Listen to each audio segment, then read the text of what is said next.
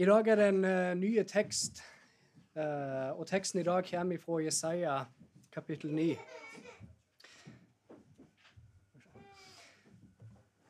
Det betyr ikke at vi er ferdig romerbrevet eller lei av å tale ut ifra romerbrevet, men uh, teksten i dag er jo en veldig kjent juletekst, og vi er veldig glad i å feire jul. Så derfor var det veldig på sin plass å ha denne teksten i dag.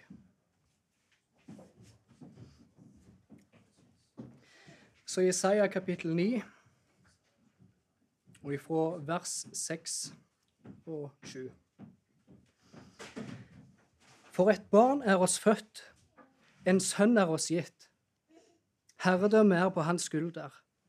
Hans navn skal kalles under, rådgiver, mektig Gud, evig far og fredsfyrste. Herredømmet skal bre seg vidt, og freden skal være uten ende over Davids trone, over hans kongerike for å grunnfeste det og holde det oppe ved rett og rettferdighet, fra nå av og til evig tid. Herskarenes Herres nidkjærhet skal gjøre dette.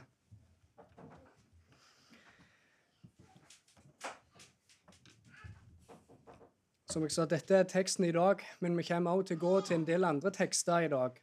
Så for de som har penn og papir framfor seg, så kan det være greit å bare skrive ned de versene som vi går til. Og så kan det òg være med meg til de tekstene som vi kan lese i sammen. Så der skal jeg eh, være med og uh, følge dere på det.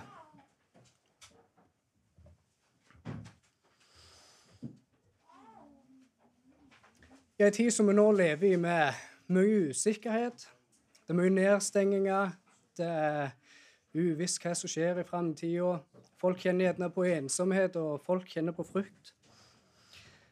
Så er det desto viktig for oss å minne oss på grunnen til at vi feirer jul.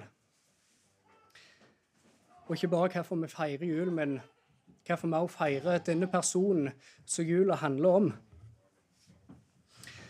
Og det som er spesielt med julefeiringa, det er jo eh, det er jo nemlig at Gud sjøl var den første som ga gave til mennesket. Ut ifra teksten i dag så ønsker jeg å vil jeg stille to spørsmål. De to spørsmålene er Hva ble gitt til oss? Og det andre spørsmålet er Hva ble gitt til barnet? Når vi du er på dette spørsmålet med hva ble gitt til oss, så kan vi òg samtidig stille oss spørsmålet hvem ble gitt til oss? For så det sto her i teksten at et barn er oss født, en sønn er oss gitt. Og vi kan lese om dette barnet at han skulle kalles under, rådgiver, mektig Gud, evig far og fredsfyrste. Altså dette barnet, dette mennesket som skulle bli født, skulle kalles med titler, han skulle få titler, han skulle kalles med navn som tilhører Gud sjøl. Dette er jo veldig spesielt, da, at en, et barn skal kalles Gud. Og er det noe vi ser som blir lagt veldig stor vekt på i Gamle testamentet, så er det jo dette her med at vi skal ikke ha noen andre guder enn Gud sjøl. Vi leser det første av de ti bud fra andre Mosebok, kapittel 20.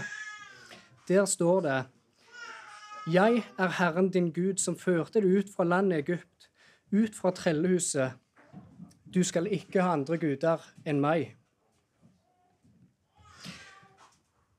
Og i Jeremia 25, 6, så står det Følg ikke andre guder, så dere dyrker dem og tilber dem, og egg meg ikke til vrede med deres henders misgjerninger, så jeg ikke skal gjøre dere ondt.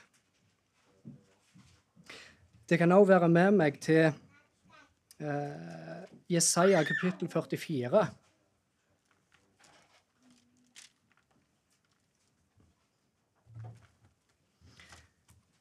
Fra vers 6 til 8. Jesaja 44, 6 til 8.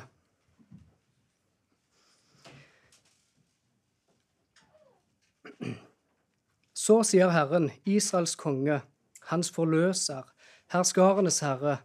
Jeg er den første, og jeg er den siste. Foruten meg er det ingen Gud. Hvem er som jeg? La ham utrope det, gjøre det kjent og legge det fram for meg fra den, fra den gang jeg tok ut det evige folket. Og det som kommer og skal komme, la dem bare gjøre det kjent. Vær ikke redd og frykt ikke. Har jeg ikke latt deg høre det siden den gangen og forkynt det? Dere er mine vitner. Er det noen Gud foruten meg? Det er ingen annen klippe. Jeg kjenner ingen. Så vi ser det som et gjennomgående tema i hele Gamle testamentet at det er kun én Gud. Og det er kun én Gud vi skal tjene og tilbe.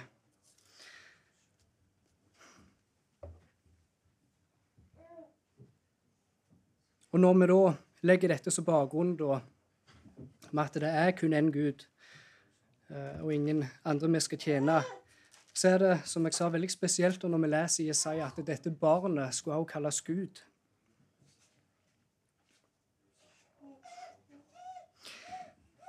Jesaja, som var en monoteistisk jøde, altså han trodde også bare på én gud.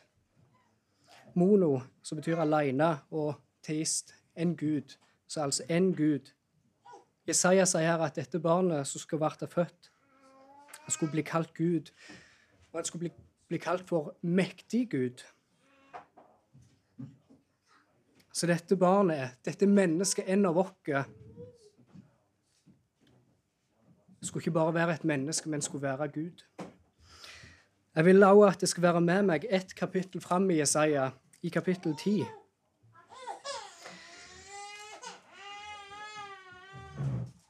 Fra vers 20 i kapittel 10 så står det På den dagen skal det skje.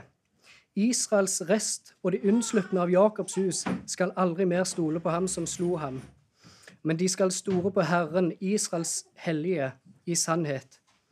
Resten skal vende tilbake, Jakobs rest, til den mektige Gud. Her sier han det at israelsfolket, Jakobs rest, de skulle vende tilbake til den mektige Gud, El Gibor. Og det er akkurat den samme det er snakk om i Jesaja 9. Den mektige Gud som det er snakk om.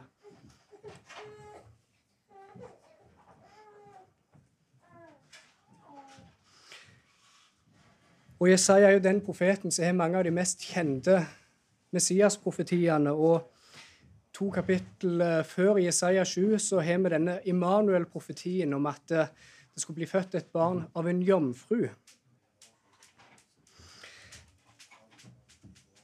Og Når vi først er på, på denne tråden med at et barn som skulle bli født av en jomfru, så vil jeg at dere skal være med meg til Matteusevangeliet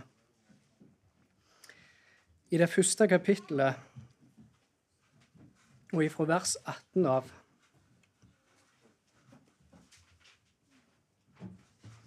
Matteus 1, 18.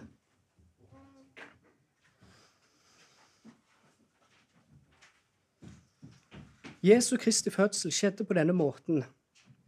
Etter at hans mor Maria var blitt forlovet med Josef, før de var kommet sammen eh, viste det seg at hun var, med, hun var med barn ved Den hellige ånd.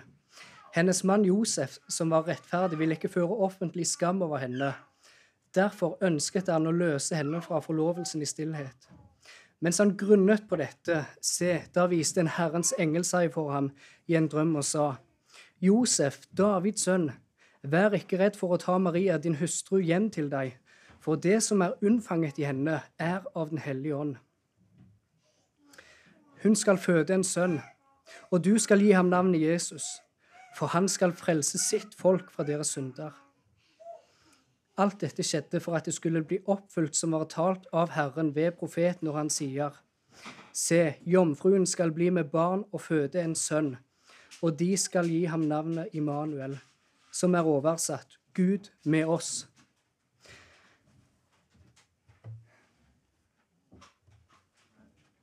Da Josef våknet opp av søvnen, gjorde han som Herrens engel hadde pålagt ham, og tok, og tok, sin hustru til seg. Men han levde ikke med henne før hun hadde født sin førstefødte sønn, og han ga ham navnet Jesus.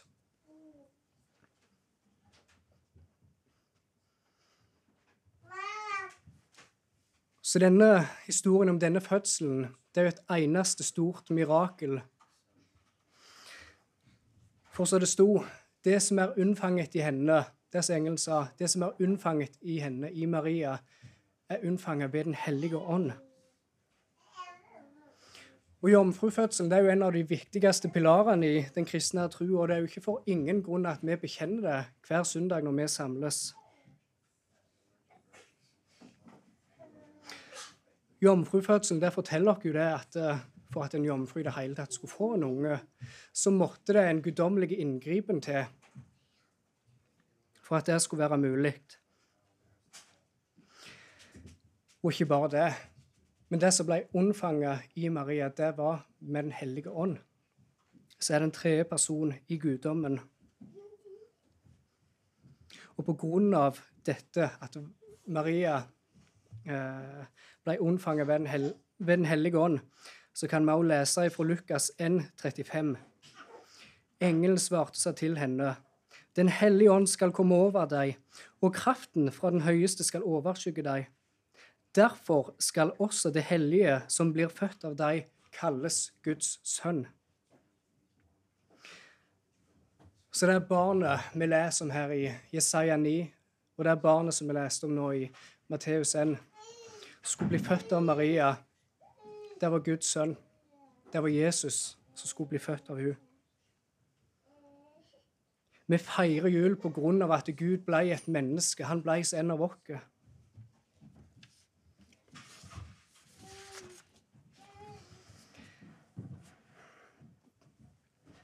Så vi har nå først fått identifisert hvem som skulle bli gitt til oss. At det var Jesus, Guds sønn. Hvis, uh, hvis det er med meg igjen tilbake til teksten i dag, Jesaja 9 og Som jeg sa, det blir litt vers her og der, men håper dere klarer å følge med meg.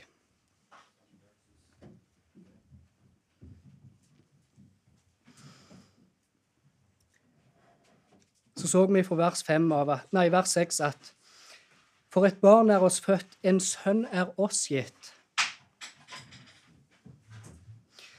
Og Vi er fremdeles på det første spørsmålet som jeg stilte, med hva ble gitt til oss? Så vi sitter nå først hvem ble gitt, men vi skal også se nå hva ble gitt til oss ved denne sønnen. For han ble gitt med en bestemt hensikt som vi skal gå videre og se på nå. Ifra den dagen da Adam og Eva var ulydige mot Gud, og da frukta av uh, treet til kunnskap om godt og vondt, så kom synd inn i verden, og verden lå i et mørke.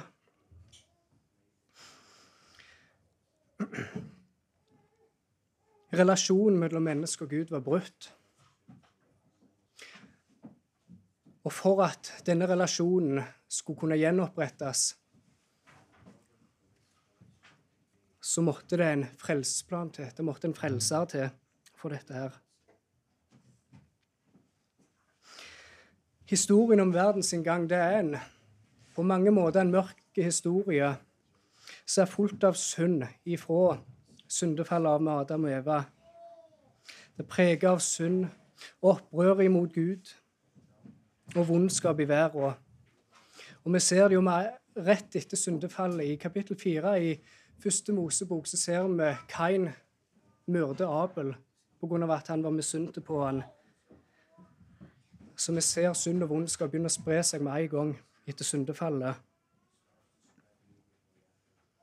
Og Vi kan se videre i første Mosebok når Gud eh, sier han vil når Gud eh, skal sende flommen over jorda, så vil han sende en flom over jorda pga. at menneskene sin synd hadde blitt så store, og deres tanke var bare vonde hele dagen.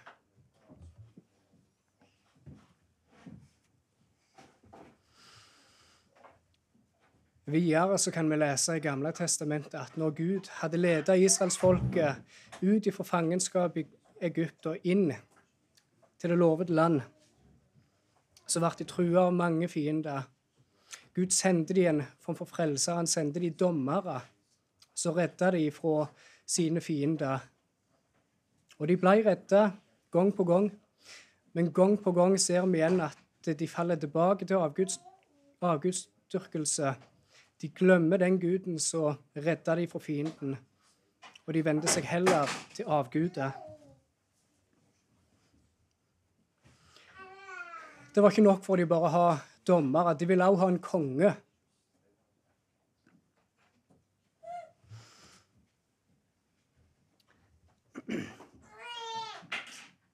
Og når en leser om i kongebøkene i Gamle testamentet, så er det òg historie, og en, ja, en historie i seg sjøl som er preget av mye mørke og fall og synd. Og vi ser gang på gang en ny konge blir innsatt, og han gjør bare det som var verre enn han tidligere. Vi er så klart noen lyspunkt òg, men det store bildet det er at de får en ny konge, og han gjør det bare verre enn den tidligere. Og folket faller i avgud, ender opp i avgudsdyrkelse og synd.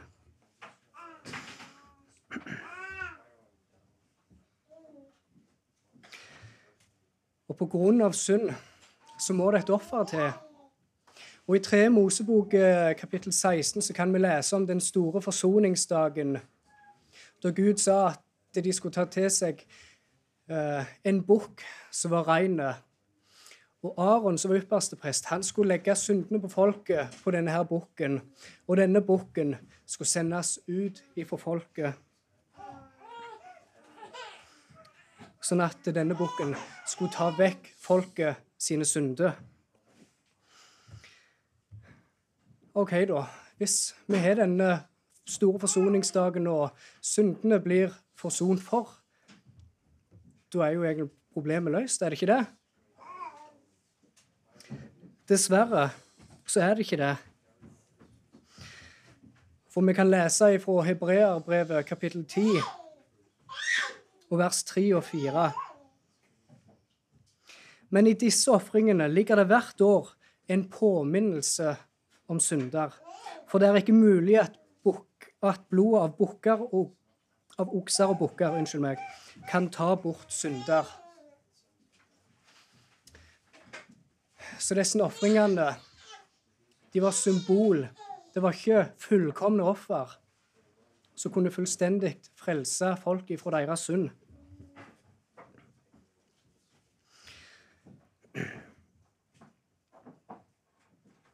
Så for at et menneske skulle kunne bli fri fra sitt slaveri til synd, bli tilgitt sine synder,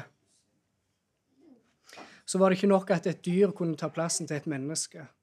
Men det måtte et menneske til for å ta mennesket sin plass. Og dette mennesket, der var Jesus. som vi har fått identifisert at dette barnet som ble gitt til oss, Jesus, og han ble gitt til oss for at han skulle ta vår plass i Guds dom. Og Jesus han levde det perfekte livet som vi var kalt til, men verken vil leve eller ikke kan leve pga. vår synd. Jesus han ble gitt til oss for at han skulle gi sitt liv for oss. For, som vi kunne lese fra Matteus 1, han skal frelse sitt folk fra deres synder. Og det at Gud skulle gi oss sin sønn, er ikke en ny idé som Jesaja kommer her med nå i sin tekst i uh, kapittel 9. Gud hadde lovt dette fra første Mosebok av, i kapittel 3. Vær gjerne med meg der. Første Mosebok, kapittel 3. Så har vi det som kalles for proto-evangelium, altså det første evangeliet.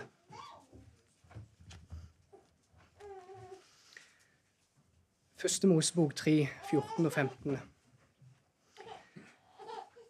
Så sa Herren Gud til slangen, fordi du har gjort dette, skal du være forbannet framfor alt fe, fe og framfor hvert dyr på marken. På buken skal du krype, og støv skal du ete alle ditt livs dager. Jeg setter fiendskap mellom deg og kvinnen, og mellom din ett og hennes ett. Og hør nå. Han skal knuse ditt hode, og du skal knuse hans hæl.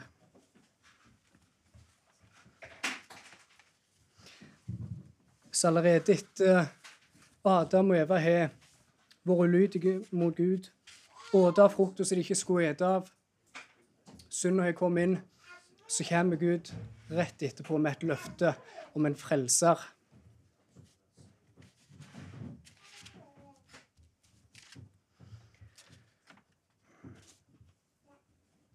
Og Evangeliet det blir forkynt for oss gjennom hele Gamle testamentet. Både gjennom profetier, som vi, ser, som vi kan se i Jesaja, så vi har mange av de mest kjente. Jesaja 53, som, er, eh, som de fleste av oss kjenner til. Men også gjennom bilder, gjennom historiske hendelser, så ser vi at evangeliet blir forkynt for oss Gud sa at eh, Jesus, Messias, han skulle knuse slangen sitt hode. Og på samme måte som han skulle knuse slangen sitt hode, så kan vi se Jarl i Dommerne fire. Hun tar en teltplugg og kjører den gjennom skallen på øverstkommanderende for fiendeherren. Hun knuser fienden sitt hode. Og på samme måte kan vi også se David, som en liten gjeter, går fram mot Goliat. Han tar en stein, slenger den i hodet på Goliat og knuser fienden sitt hode.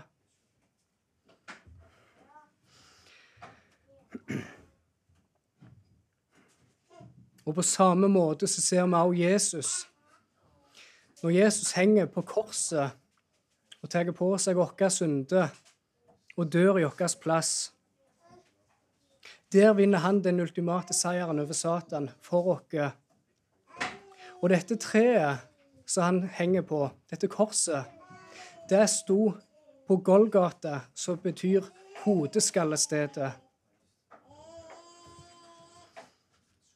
Som vi ser oppfyllelsen av løftet fra tre Mosebok, nei, første Mosebok tre, at han, Messias, kvinnen at skulle knuse slangen sitt hode, og Jesus gjorde det på korset.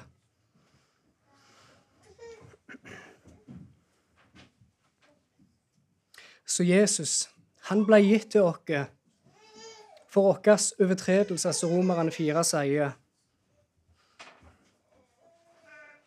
Og så det også står i 1. Johannes brev kapittel 3 at Jesus ble åpenbart for oss for at han skulle gjøre til intet Satans gjerninger. Derfor ble Jesus åpenbart, og derfor ble han gitt til oss. Jesus ble gitt til oss for at vi skulle bli frelst, for at vi skulle få evig liv med Han.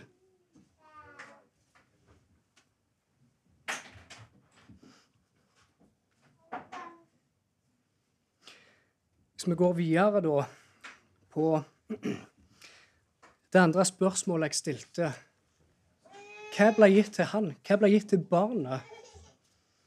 Vi har først fått sett at Gud har gitt oss en gave, men Gud ga òg barnet, Gud ga òg Jesus en gave. Vi går tilbake igjen til Jesaja kapittel 9.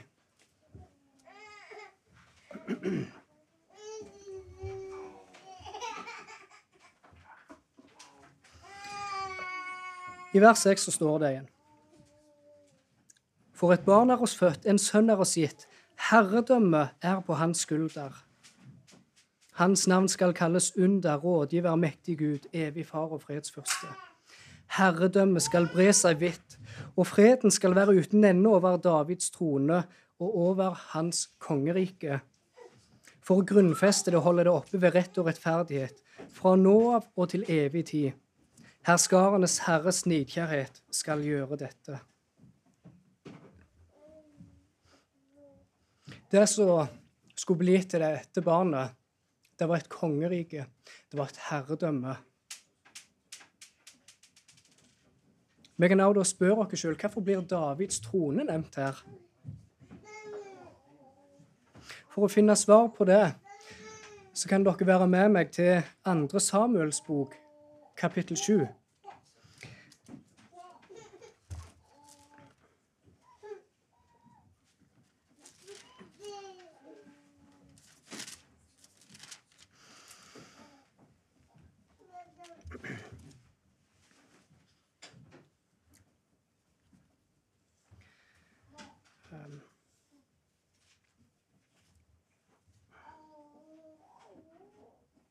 Skal vi se Og vi tar ifra Ifra eh, Ifra vers 12 av.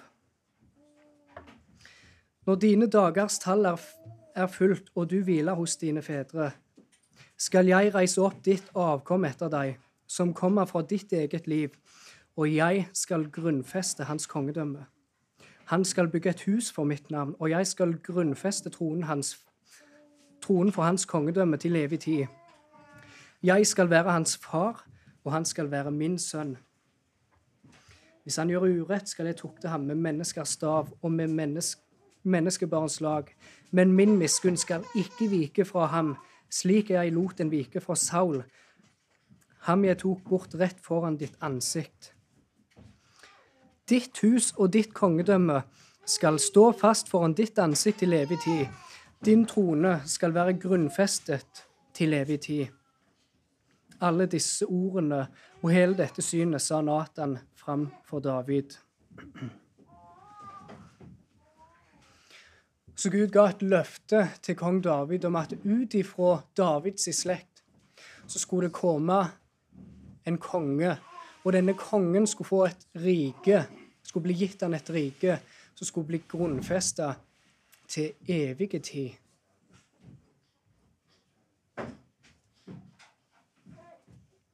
Og dette løftet var jo noe som ikke bare David så fram til, men hele folket så fram til det og ville lengte etter denne kongen som skulle gi dem fred i landet og fred ifra sine fiender.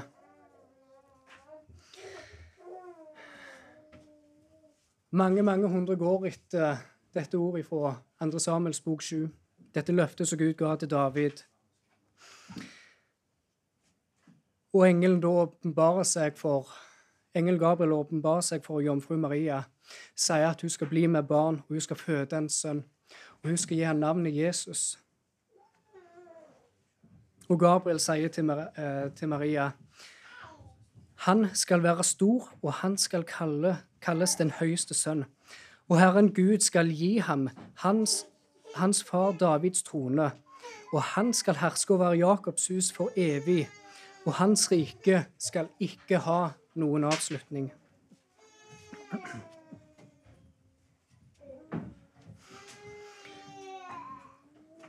Det var Maria som fikk jobben med å føde denne her kongen. Og denne kongen ble ikke født i noe stort og flott palass. Han ble født i en liten stall og lå i en krybbe. Og Som vi kan se i Matteus 2, så ser vi om de vise menn fra Østerland. De kommer pga. at de hadde lest et profetiord om en fyrste som skulle bli født i Davids by. Og de kom for de ville besøke denne gutten som ble født. Og ikke bare for å besøke han og gi en gave, men de kom også for å tilbe han.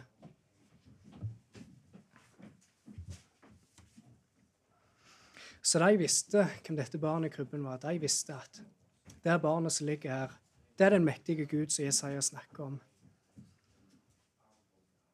Det er den kongen som Gud har lovt til sitt folk.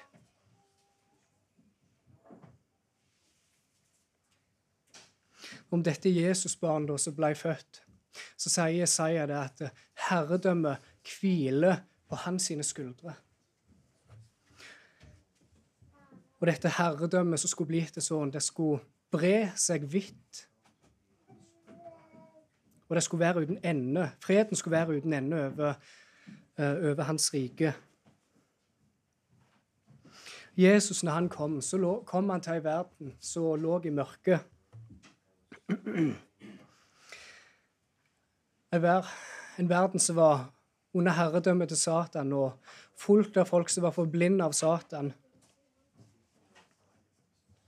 Og med en historie fra Matteus evangeliet kapittel 12, der Jesus driver ut en demon. Og Det er en veldig interessant historie. For når Jesus driver ut denne demonen, så kommer de skriftlærde De sier om Jesus at han driver denne demonen ut med hjelp av Satan. Eller med hjelp av Beelzebub. Og det er da Jesus sier til dem Hvis Satan driver ut uh, Satan uh, Hvis Satan driver ut Satan, da er han kommet i strid med seg sjøl, og hans hus kan ikke bli stående. Men, sier Jesus, hvis jeg driver ut disse demonene med hjelp av Guds ånd, så har sannelig Guds rike kommet til dere. Eller hvordan, som Jesus sier etterpå, eller hvordan kan, kan en gå inn og plundre den sterke og hans gods uten å først ha bundet den sterke? Så dette huset det er snakk om her, er jorda, og den sterke er Satan. Jesus kom for å binde Satan, så han kunne plundre hans gods.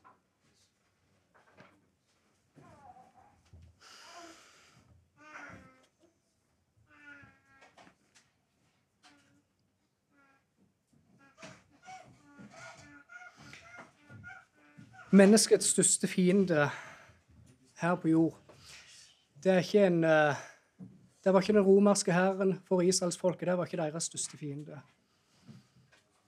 Og for oss er det heller ikke noen fysiske fiender som er vår største fiende. Men vår største fiende, det er Satan, og det er synd. Og det er den tingen vi må bli fri fra. Og det var dette Jesus kom for å fri oss fra. Ikke bare for å fri oss, men han òg kom for å beseire, uh, beseire Satan. Og det gjorde han med å dø for oss på korset, som jeg sa. Han knuste hans hode.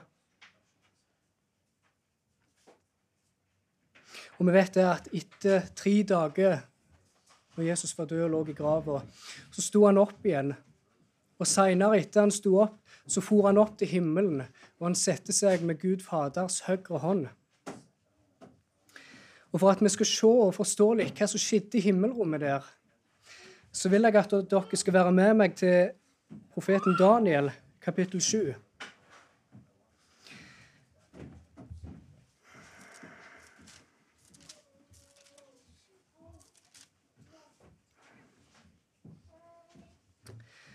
Daniel 7, vers 13 og 14.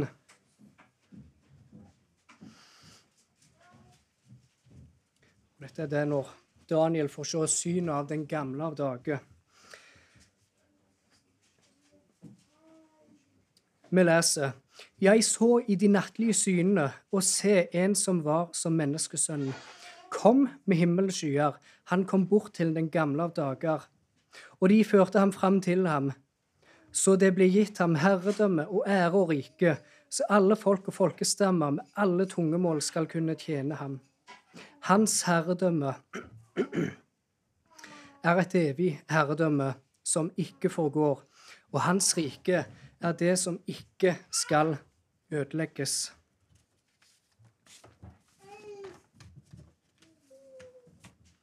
Det vi ser her, det er at menneskesønnen han kommer bort til den gamle av dager. Og det står at det ble gitt han ære og rike og herredømme, sånn at alle folk og folkeslag skulle tjene han. Det som ble gitt til sønnen, det var et herredømme, og det var et rike.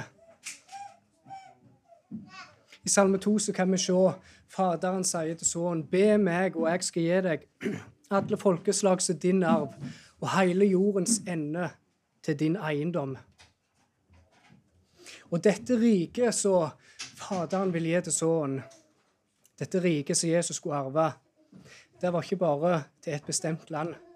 Dette riket var et rike som skulle bre seg vidt utover hele jorda.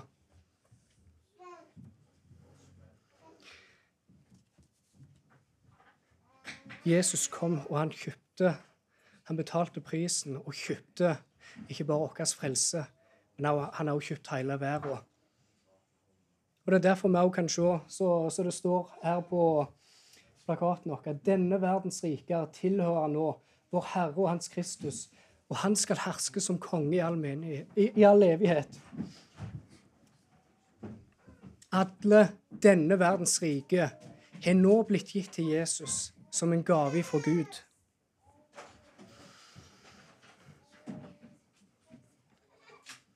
Det var det som ble gitt til dette barnet. Det ble gitt en herredømme, og det ble gitt en ære og rike. Så vi sitter at uh, han som skulle bli gitt, det var Gud sjøl, ved å ta på seg en menneskeskikkelse. Han skulle bli som en av oss, og han ga seg sjøl for oss. Og Vi har også sett at det ikke bare vi som fikk gave, men uh, vi har også sett nå at uh, Faderen har gitt sønnen en gave. Han ga han et herredømme og rike.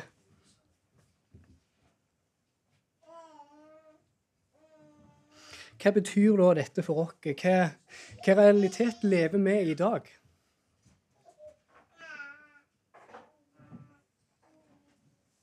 Jesus han ble gitt for vår overtredelse, som Romerne 4 sier. Og han sto opp igjen til vår rettferdiggjørelse. Og han for opp seinere til himmelen, sette seg med Faderens høyre hånd og sette seg på si trone for å regjere og som Jesus sier i Matteus 28, i misjonsbefalinga, meg er gitt all makt i himmel og på jord. Gå derfor ut og gjør alle folkeslag til mine disipler. Så vi lever i den realiteten at Jesus sitter med Faderens høyre hånd, og han regjerer. Herredømmet hviler på hans sine skuldre. Og han sier til oss i dag, gå derfor ut, på grunn av at jeg er all makt i himmel og på jord. Gå derfor ut og gjør alle folkeslag til mine disipler idet dere døyper de og lærer de å holde alt jeg befalte dere.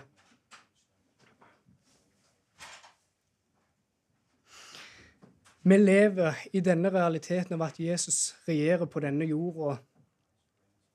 Han regjerer som vår underfulle rådgiver, som Jesaja sa. Han regjerer som mektige Gud. En Gud som er mektig til å frelse mennesker som er fanga i synd og lever i mørket. Han regjerer som evige far. Ikke det at han er Faderen, men det, det er snakk om her, at han er for evighet av. Og han er ett med Faderen. Og Jesus regjerer i dag som fredsfyrste, så Jesaja sier. Han er fredsfyrste, han er kongen av fred, og han, han er den som fører fred iblant mennesker og Gud, og fred blant mennesker på jord. Så ja, i den tida vi nå lever i, med mye usikkerhet og hva skjer i for det neste året som snart eh, kommer til oss Noen kan kjenne på frykt. Og mange kan gå, føle at det går ei usikker framtid i møte.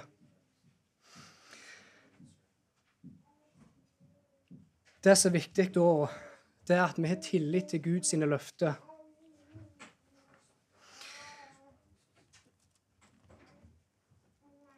Vær med meg igjen tilbake for en siste gang til Jesaja kapittel 9.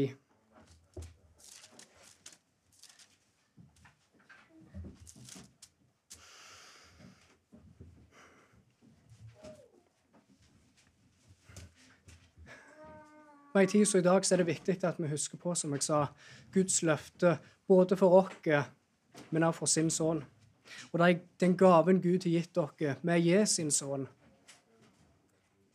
Og at vi også husker på hva løftet Gud ga til Jesus om dette riket. Som det står i slutten av Jesaja, Herrens nidkjærhet skal gjøre dette dette riket som skulle bli gitt til Jesus. Gud skulle grunnfeste det og holde det oppe. Og det var et rike som skulle være uten ende. Og han bekrefter det med å si Herrens nikjærhet skal gjøre dette her. Gud er bestemt å gjøre dette, og han vil gjøre det. Og Tenk deg at dette her er skrevet eh, over 700 år før før Jesus sjøl ble født. Men Jesaja skriver dette her som om det allerede har skjedd. Et barn er oss født, en sønn er oss gitt. Så med samme visshet og sikkerhet som Jesaja skriver om dette barnet som er oss født og er oss gitt, så kan vi òg ha samme sikkerhet i at dette riket som Faderen gitt til Sønnen, det vil gå fram. Og det skal seire. Og hvordan går dette riket fram? Jesus beskriver Guds rike som et sennepsfrø, det minste av de alle. Men når det vokser, så blir det til den største, eh, til den største veksten i hele hagen. Beskriver det som en surdeig som surner hele deigen. Det er en lang prosess. Så vi, vi kan smøre oss med god tålmodighet. Vi trenger ikke prøve å framprovosere noe vekkelse og reformasjon. Vi må, Vår jobb det er at vi gjør det som Jesus sier. Vi er trofaste til å disippelgjøre hverandre her i menigheten. Foreldre disippelgjør sine unger. Vi er trofaste i det, og Gud vil velsigne det. Og vi vil se steg for steg at Guds rike vil gå fram her på denne jord.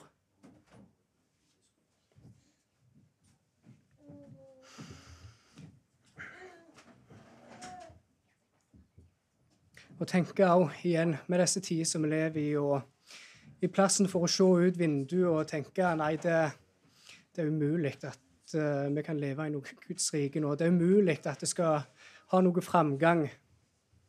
Og med alt som skjer av nedstenginger og osv. Firma som må permittere og gå konkurs. Mye usikre momenter. Det er noe krig i verden. Tenker vi nei, uff, jeg klarer ikke dette her. Gud, bare få meg vekk herifra. Men i plassen for å tenke sånn, så må vi heller bare huske på hva Jesus sjøl sier i sin ypperste prestelige bønn. Far, jeg ber ikke om at du tar dem vekk herifra, men jeg ber om at du bevarer dem fra den vonde.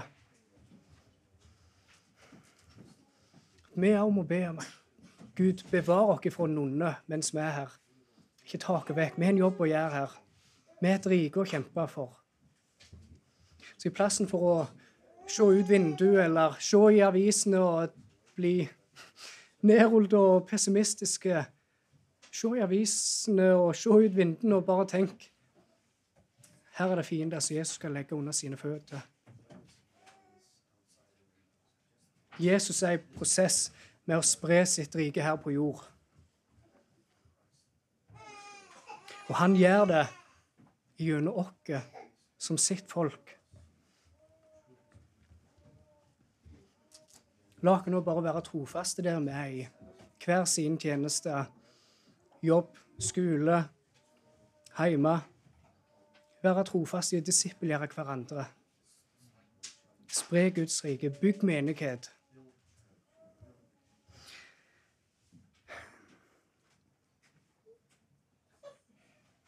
Så er det noen som virkelig har grunn til å feire jul, så er det jo så klart dere. Vi kan feire det at Jesus har blitt gitt for oss. Gud ga oss sin sønn som en gave. Og Vi kan også feire det at ikke bare ble, vi ble gitt en gave, men vi kan feire at eh, Jesus sjøl fikk en gave. Vi kan feire det at eh, denne gaven som Jesus fikk, dette riket, har Gud lovt skal ha framgang her.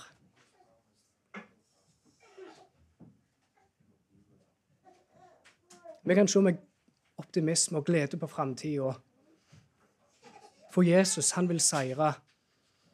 Han har sett seg med Faderens høyre hånd og regjerer. Så Paulus sier andre i 1. Eh, Korinterne 15 at han skal legge under seg alle sine fiender fram til den siste fienden som er døden. Der er Jesus i prosess med i dag. Vi var en gang hans fiender som var latt under hans føtter med forkynnelsen av evangeliet. Og det er sånn det skjer.